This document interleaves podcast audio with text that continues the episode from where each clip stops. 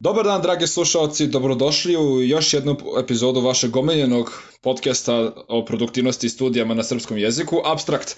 Ovo je jubilarna 20. epizoda koju snimamo i jedna od e, stvari koja će nam biti e, posebna za ovu epizodu je naša tem tema, a to će biti video igre. Sa mnom i sa vama je kao i inače e, vaš moj co-host, odnosno ko-domaćin Jovan, a on će vam reći i koje je druga, i drugo iznenađenje za ovu epizodu. Zdravo Jovane! Zdravo Stefane i pozdrav dragi slušalcima. Evo, poučeni nekako onako prijatnim reakcijama na našu prethodnu epizodu smo imali specijalnog gosta i u ovoj epizodi imamo specijalnog gosta koji je, kao i prošli put, stručnjak u ovoj oblasti, u oblasti video igara, a i studija, a to je Nemanja. Nemanja je tvoj moj drug, jel tako, iz Stefan iz Beča i mislim da je bolje umjesto ja da pričam njemu da se on sam predstavi. O, ovaj, pozdrav dragi slušalci, ja sam Nemanja, studiram u Beču i je, jel te, kako je Jovan rekao, uh, imam dosta iskustva na temu danas o kojoj ćemo pričati, pa su me pozvali da da se pridruži. Tako je, ovaj, danas ćemo pričati delom o našim iskustvima video igra, igrama u kontekstu hobija, koje igre volimo da igramo i tako dalje sa te, sa te neke lakše strane, ovaj, ali ćemo se osvrnuti na utice toga na život, koliko se to, koliko to pozitivno, koliko negativno utiče na studije i druge planove koje imamo u životu i generalno koliko uspemo da, da se uskladimo sa tim jednim hobijem koji ume ponekada da oduzima, kao što ćemo vidjeti, više vremena nego što bismo inicijalno planirali.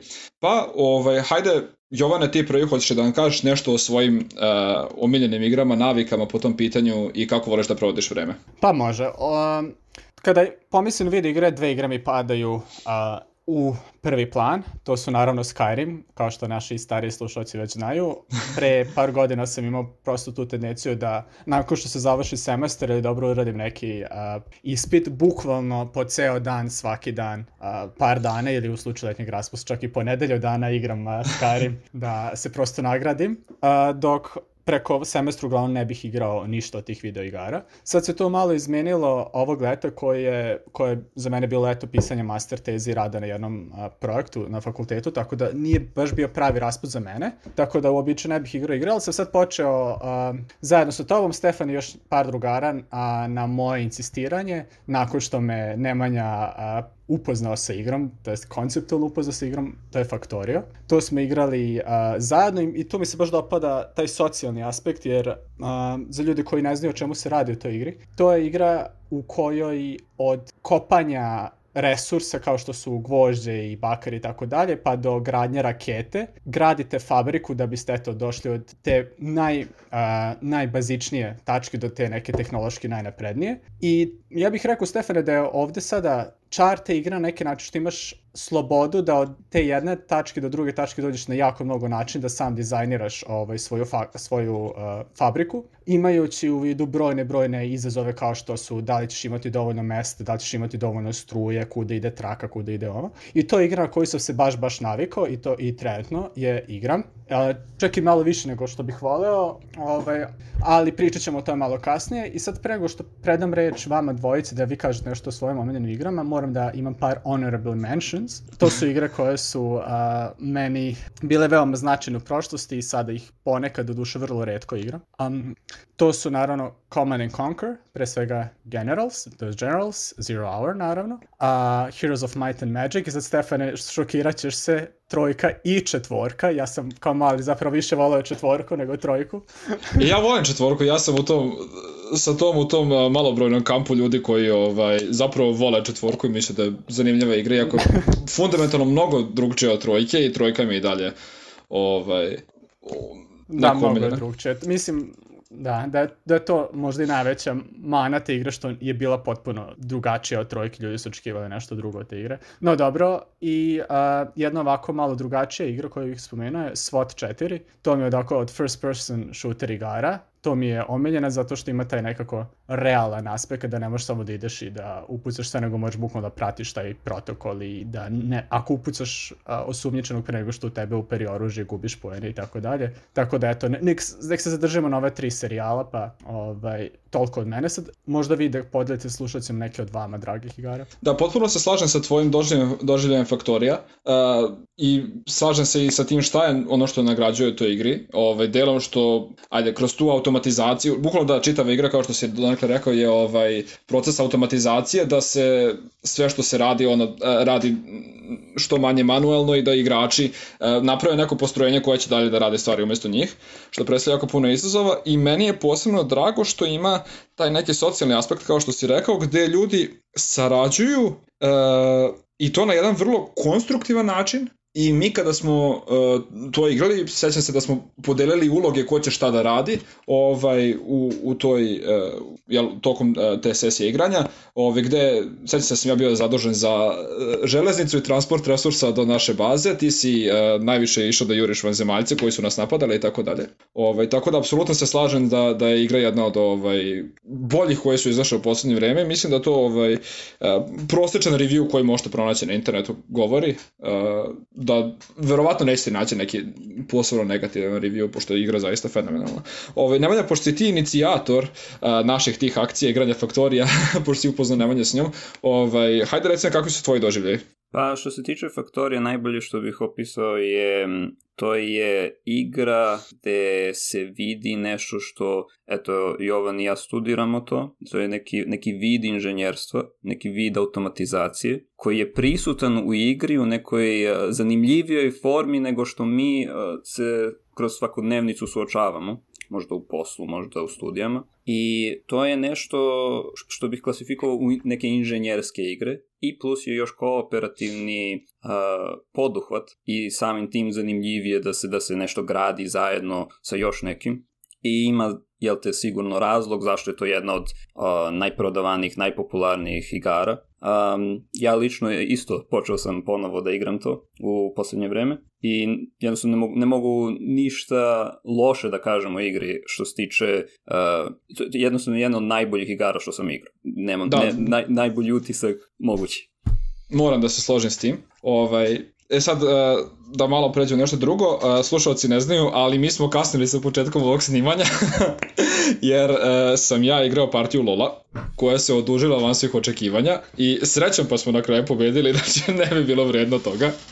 ovaj, I to je neka igra koju u poslednje vreme volim da igram mnogo više sa prijateljima nego sam i pogotovo sada kada su im počele studije, uh, kada tokom dana imam puno obaveze i uveče uglavnom ako bih imao neko slobodno vreme i odlučim da ga provedem da ovaj, igram igre na kompu, uh, potrudit ću se da pronađemo da se organizujem sa drugarima da tako igramo, pošto je tu taj uh, isto neki socijalni i društveni aspekt dolazi do izražaja, isto ovaj, kroz neki vid saradnje, mada mislim da je razlika u te dve igre, e, to što u Faktoriju je takva neka saradnja, da kažem, vrlo konstruktivna, dok kroz kompetitivnu prirodu ovaj, Lige Legendi, Uh, ta neka ljudska uh, ajde narav i, i želja za pobeđivanjem protivničkog tima često uspe, uspe da izdominira nad nekim osjećajem za ajde prijatnost prema saigračima i ljudi često tu padnu u vatru i ukoliko im nešto loše ide, uh, znaju da budu, kako se popularno danas kaže, toksični i zbog toga je to prilično, ovaj, ume da bude napeto vrlo uh, ukoliko su igrači baš uh, voljni da pobede i pogotovo ako ne ide. Dobro, sad prednost bi možda bilo što ta igra ima partije, ali onda nekako prirodno ti dođe kraj, dok ako igraš faktore i to naročito ako igraš sam, ono, bukvalno nema šta da te zaustavi, tako se jako lako dešava da ono kažeš sad ću igrati pola sata i ono tri sata prođe, ni ne primetiš, jel? Tako da to je barem prednost Lola. Pa, to bih se složio, da, ovaj, dok takođe imaš i taj moment gde kažeš uh, ajde još jednu partiju, još jednu partiju i ljudi često znaju da se zaglave, ovaj, uključujući i mene. Ma da kažem, u poslednje vreme, uh, mislim da to uh, prilično solidno hendlujem na srpskom, uh, da se prilično so, solidno uspem, uspem izboriti sa tim. I, ovaj, Nemanja, ti si takođe rekao da si igrao tu igru. Igrao sam sigurno možda četiri godine i znači imam dosta iskustva što se tiče te igre. E, to spada kod mene u kategoriju tih, kako si rekao, kompetitivnih igara. Igrao sam znači i League of Legends i Tekken i Battle Right i znači imam neku težnju ka tome. Ono što je meni tu značajno je što je to razvijanje neke veštine i jednostavno se lepo osjeća da, da, da učiš nešto što jasno pokazuje neku dominantnost nad, nad drugom osobom, nad drugim igračima. Ta, ta neka, te neke sportske okolnosti koje se dešavaju u, unutar tih igara mene dosta vuku, ali prestao sam da igram e, jer delom jer me je igra malo da kažemo, i dosadila, a i delom zato što je dosta, dosta vremena oduzimala. Da, s tim se slažem. A koju ulogu si igrao Nemanja kad si igrao? Šta si volao da igraš? A, igrao sam top lane i igrao sam support. Top lane delom zato što a, je ono bilo kao neki island gde si jedan na jedan sa nekim, a support da, da, jer je zanimljivo znaš, uz još nekog da se fokusiraš na na svoje. Ja ovaj, uglavnom igram džunglu i Cimer je odlučio da me ovaj, iznenadi, tako što mi je kupio ovaj, skin za jednog od, jednog od ovaj, heroja iz igre koje igram, za Lisina. I to je, da kažem, jedan od ajde, heroja koje, može, koje se može izabrati u igri, ovaj, koji ume da e, ima solidno zahtevne kombinacije poteza koje mogu da se izvedu u igri. I kada sam odlučio da mi je zanimljiv i da hoću da ga igram i nakon što sam nekoliko puta očajno prolazio u partijama, sam zapravo uključio taj neki practice mod koji postoji u igri gde može da se vežba i zapravo samo nekih 15 minuta, pola sata drvio par istih ovaj, kombinacija poteza dok nisam uspeo da ih relativno konsistentno izvodim. I tu se do, ovaj, dolazi do izražaja to što si rekao kao taj neki uh, napredak i pogotovo ako se u nekoj partiji tako neki, pot, tako neki potez izvede, ovaj, taj neki osjećaj dominantnosti, eto što to, što što si napredovao, se, taj, nazovi trud se isplatio, eto ima, ima ovaj, taj neki moment koji se javlja. A i ne samo to, e, posebno zato što igra ima jako dobro razvijen osjećaj nagrade, što imaš ranked sistem, što imaš čak i turnire, što imaš e, sve te neke stvari koje te vuku da ti uh, napreduješ, a i zajedno sa društvom, jer izuzetno je popularna igra, nije, nije teško naći nekog s kim bi mogao igrati i napredovati zajedno s još nekim. Da, da. Ovo sve kad se rekao turniri, trenutno je aktualno svetsko prvenstvo ovaj, u Lolo, odvija se u Kini I to je možda čak i veći izazov ovaj, da, da odlučim da ne gledam to, pogotovo što je jako, jako nezgodno doba, jer zbog razlike vremenskim zonama počinje u 10 ujutru po mom vremenu. Ovaj, I onda sam odlučio da ili pre toga značajno ustanem, ovaj, da bih učio, ako već, pošto ja da pratim dva evropska tima, ovaj, i onda da ustanem ili znatno ranije da bih mogao to da pratim, ili da ovaj, u pauzama e, se odlučim da, da odgledam koji meč ako, ako e, me jako interesuje. E, I da, eto, baš mi to zanimljivije mi je čak ponekad da gledam ove ljude koji znaju šta rade u igri, nego da e, prolazim kroz neke upoređenje sa tim osrednje partije. Tako da ima i to neki moment. Ima neka težnja kod ljudi da gledaju šta, šta je to što su ljudi uspeli najviše da, da izvedu, šta je to što mogu da vide a, kod nekoga da je doveo do, do savršenstva ili blizu savršenstva, zato imamo uvek, ne, to nisu turniri sad već LOL, to je generalno u sportu tako, ideš na stadion da vidiš uh, tvoje omiljene timove, kako su vežbali i kako se muče protiv isto tako nekog dobrog tima. Jednostavno to je neki uh, iskaz lepote u tome što oni rade što su doveli do nekog uh, visokog nivoa njihovu veštinu. To, to je jedno zanimljivo pitanje, Nemanja, to me interesuje stav vas dvojice. Uh, da li onda smatrate da kao e-sports, što je kao popularno, jel? To jest, uh, kada neko igra igru, jel? I prenosi se televizijski putem interneta, što god. I to se u nekim zemljama, jel? Pre svega u Koreji tako, na dalekom istoku, zaista smatra kao sport, dok eto, na zapadu postoji dalje ta dilema da li su e-sportovi zaista sportovi, pa mi interesuje eto, da li vi vidite neku razliku ili ne? Pa moj tu ovako neki, e, neka instinktivna reakcija, neki probitna reakcija na to je da ovaj, sport kao sport uključuje neku fizičku aktivnost uh, i da nije da zahteva, da kažem, i neku fizičku spremu i kondiciju, što bi... E, no, sad kontra primjer, ono bio, bio, bio šah i bridge, zar ne? Da, šah i bridge ja ne bih nazvao sportovima, ali e, mislim da je nešto tipa uh, mind games, kako se na engleskom zove, ili ajde, misalni sport ili nešto u tom smeru, da je zadovoljavajuće. E sada, uh, ja ne mislim da su e-sportovi uh, laki i da imati karijeru kao profesionalni igrač neke igre uh, lako. Čak mislim da je izuzetno naporno zato što oni uh, su čitav dan posvećeni u tome na način koji nije nužno uživanje, nego je, kao što je Nemanja rekao, peglanje tog nekog, uh, toga nečega što rade u toj igri do nekog savršenstva i ponavljanje jedne te iste stvari do savršenstva. I sad, analogno tome, recimo kad, ne znam, sviraš nešto, odlučiš da sviraš neku pesmu koju voliš da sviraš, da pevaš i bude ti super, ali ako odlučiš da učiš da sviraš neku izuzetno tešku kompoziciju, ti ćeš drviti ono e, sekvencu od dve sekunde 150 puta tog dana da bi je doveo do nekog dobrog nivoa i on će to raditi sa sledećom sekvencom pa ćeš ih kombinovati i tako dalje i to je daleko od tog nekog ajde, uživanja, pogotovo zašto ulažeš jako veliki napor, a nagrada dolazi tek mnogo, mnogo kasnije. Tako da ne bih to da kažem olako shvatio kao što je ovaj, neka, neka e, tendencija malo konzervativnog mišljenja, mislim ovde. O, što se tiče kategorizacije, meni nije toliko bitno da li ću ja reći da je to nešto, da li je to sport ili ne. Meni je bitno da vidim kako recimo e-sport stoje u odnosu na klasične sportove. Zašto neki ljudi imaju tu taj osjećaj da je inferiornije biti e-sports igrač, a ne košarkaš, futbaler ili slično.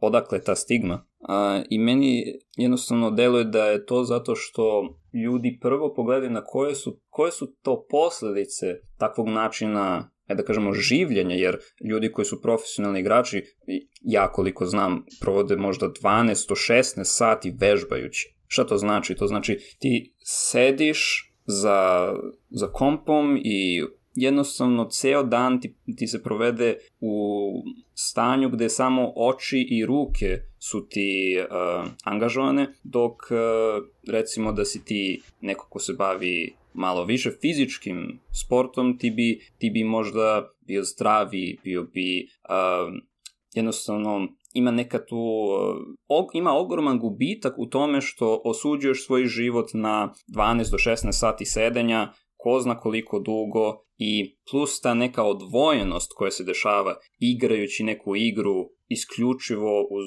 komunikaciju kroz, kroz kom, kroz znači to formiranje kontakta. Jednostavno, život onda sve više teži ka virtualnom i to se mnogim ljudima ne sviđa kada, kada pomisle na bilo šta što se tiče uh, kompa gde, gde su onako povučeni da kažu ovo je detinjasto, ovo je nekako infantilno, ovo je nekako nešto što, što ne priliči kako smo do sada radili stvar. Mm -hmm. Misliš li da je to samo za delom zbog toga što je novo ili misliš da su ti argumenti na temu a, lako se navučeš, nije zdravo, a, ovo ono, da su validni? Ili misliš oba? To je još čitava tema što, što su te igre toliko lake za dizajn u odnosu na klasične igre. Znači, ti možeš baš do detalja dizajnirati taj tvoj novi virtualni sport, tako, tako da bude da, da ljudi žele da igraju, da, da sve te sisteme koje imamo u mozgu što se tiče šta nas to nagrađuje, šta mi želimo da vidimo, to je nešto što je već skroz prostudirano i, i implementirano da se to nekako um, iskoristi kako bi ti što više proveo vreme u takvim igrama. To je još jedan faktor. E sad, zašto? Ne, ne bih mogao direktno da ocenim, ja samo hoću da kažem da, da ima dobrih razloga zašto ljudi gledaju na te stvari niže, ali isto tako kao što si naveo, ne bih mogao da kažem da su ti sportovi jednostavno nešto što je ili lako, je ili, ili trivialno, znači ne, i tu ćeš ti naučiti i da komuniciraš, naučit ćeš uh, da, uh, da nadjačavaš sebe, naučit ćeš da ti svakog dana budeš bolji nego što si bio juče. Um, i to su neke esencijalne stvari koje su prisutne u bilo kakvim sportskim okolnostima i takođe znači ima neka vrednost tu, ne možeš da kažeš da je kompletno bez vrednosti raditi tako nešto. Ali postoji argument da možda možeš bolje tako što bi izabrao neki drugi sport. To da, je... mislim, uh, potpuno se slažem sa, uh, sa tim što si rekao da nadjačavaš sebe recimo. Delom zbog prevazilaženja stresa, ajde ne stresa, nego treme ili šta god da je u toj stresnoj situaciji koja jeste igranje nečega bitnog na turniru nekom, što kroz, e, eto, neko, e, imaš stalno neuspeha u igri. Koliko imaš uspeha koji te nagrađuju, toliko imaš neuspeha koji te frustriraju, što je opet jedan od razloga zašto ljudi vole da igraju ovaj, igre. E, I treba da se nauči i da se suočiš sa tim e, negativnim stvarima i da komuniciraš sa drugima i da ako imate neke probleme između vas koji su ovako ljudske, neke lične prirode i da se to reši. Tako da ovaj, mislim da se potpuno slažem sa tim što si rekao da ima i e, značajne pozitivne i značajne strane i neke, ajde da kažem, nedostatke u tom nečemu. Ovaj, I sad što je meni jako čutno što, recimo, šah, znam za šahiste, e, što je vrlo jedan isto pod navacima statičan sport, i za e, vozače e, relije, trka automobilskih, ovaj, da imaju vrlo intenzivne e, kondicione treninge. i konkretno za vozače ovaj, auta, e, imaju i vrlo intenzivne e, neke mentalne treninge gde rade neke zadatke, neke vežbe sa ciljem da imaju vrhunsku koncentraciju što, što više moguće ovaj, u periodu od pola sata. Jedna od tih vežbi je, e,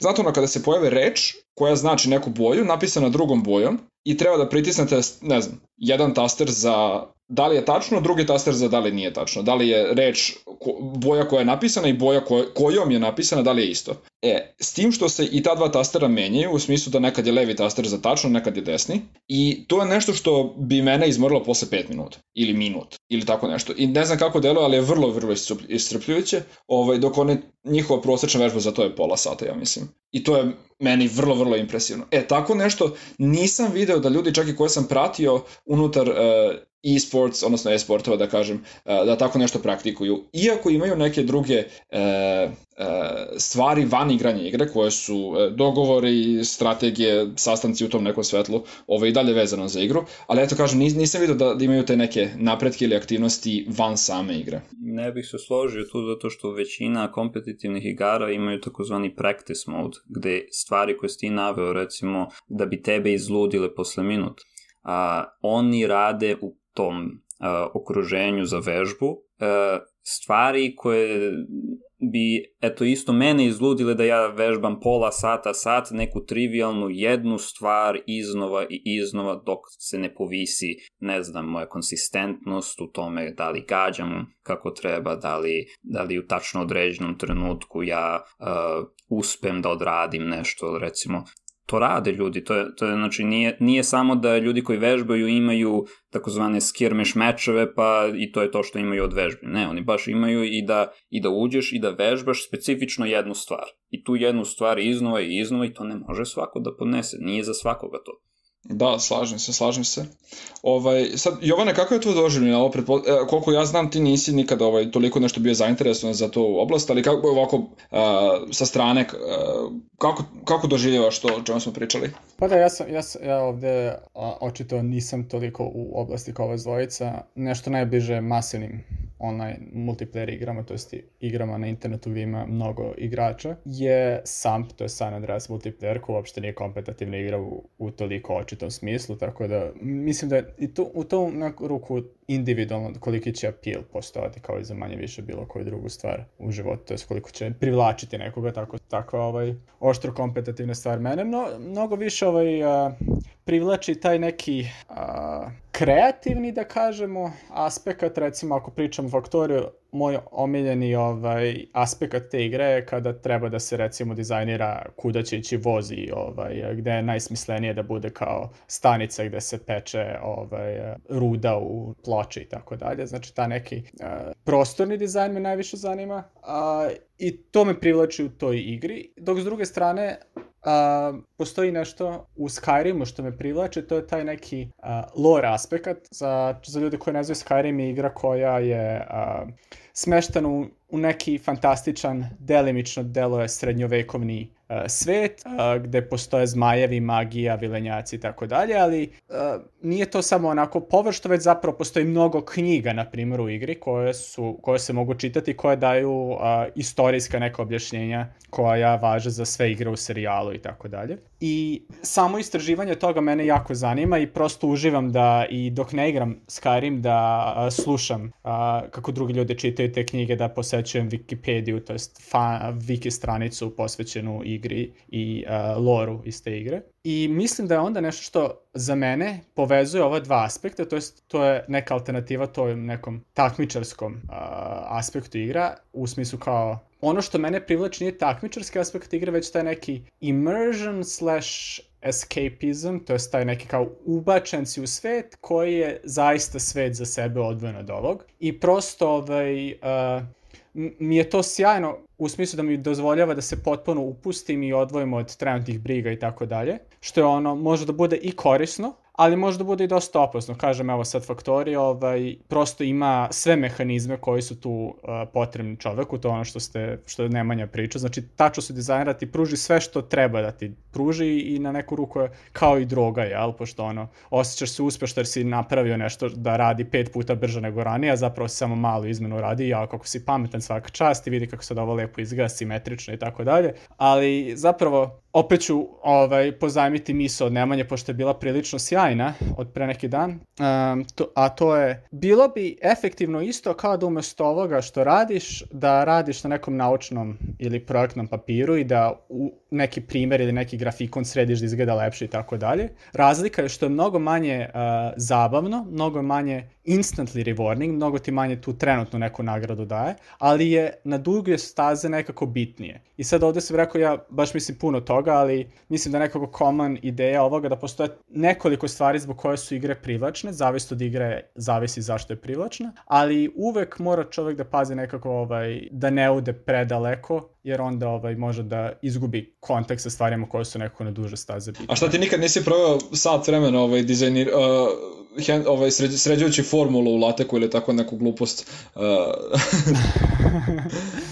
Pa u posljednje, u posljednje vreme moram da priznam da sam nažalost više provodio vremena sređujući pruge i trake nego formule. ne, pre, ja sam juče zagla, ili prekriče zaglavio sat vremena ovaj, pokušavajući da a, neku formu u lateku namestim da izgleda lepo ovaj, i na kraju nisam uspio i zadovoljio sam se, sam se nečim ovaj, osrednjim, ali ajde, dobro, nikog nije briga. da. Ovaj, mislim, Stefane, kako, kako ti sad, pošto očito, mislim, provodiš više vremena igra, igrajući igre i duže vremena ovako, gledajući nazad, znači ti nisi imao nikad taj period kao ja da ne igraš preko celog semestra, nego samo preko raspusta. Koji je onda tvoj mehanizam samokontrole da se ne upustiš u taj neki problem u kojem sam ja trenutno, recimo? Um, imam, aj rekao bih, tri stvari gde je taj broj ovako napamet okvirno. Uh, jedan je da zapravo samo uzmem i puno radim druge stvari i onda mi igra deluje da nekle underwhelming, uh, gde ako, ako mi dobro ide sa studijama ili sa projektom nekim na kom radim ili tako dalje, ili imam nešto tako, eto što što samo oduzima vreme da ne kao što na primjer sređivanje formule u lateku, nakon ne znam koliko sati toga, na nagrada iz igre mi se čini isprazno i prosto nemam ni toliko neku želju da, da, da uh, započinjem to da radim. To je prvo. Drugo, ukoliko baš imam neke obaveze, a primetim da mi da je neka igra preti da će mi oduzimati puno vremena, koristim neki određeni software da, da je blokiram.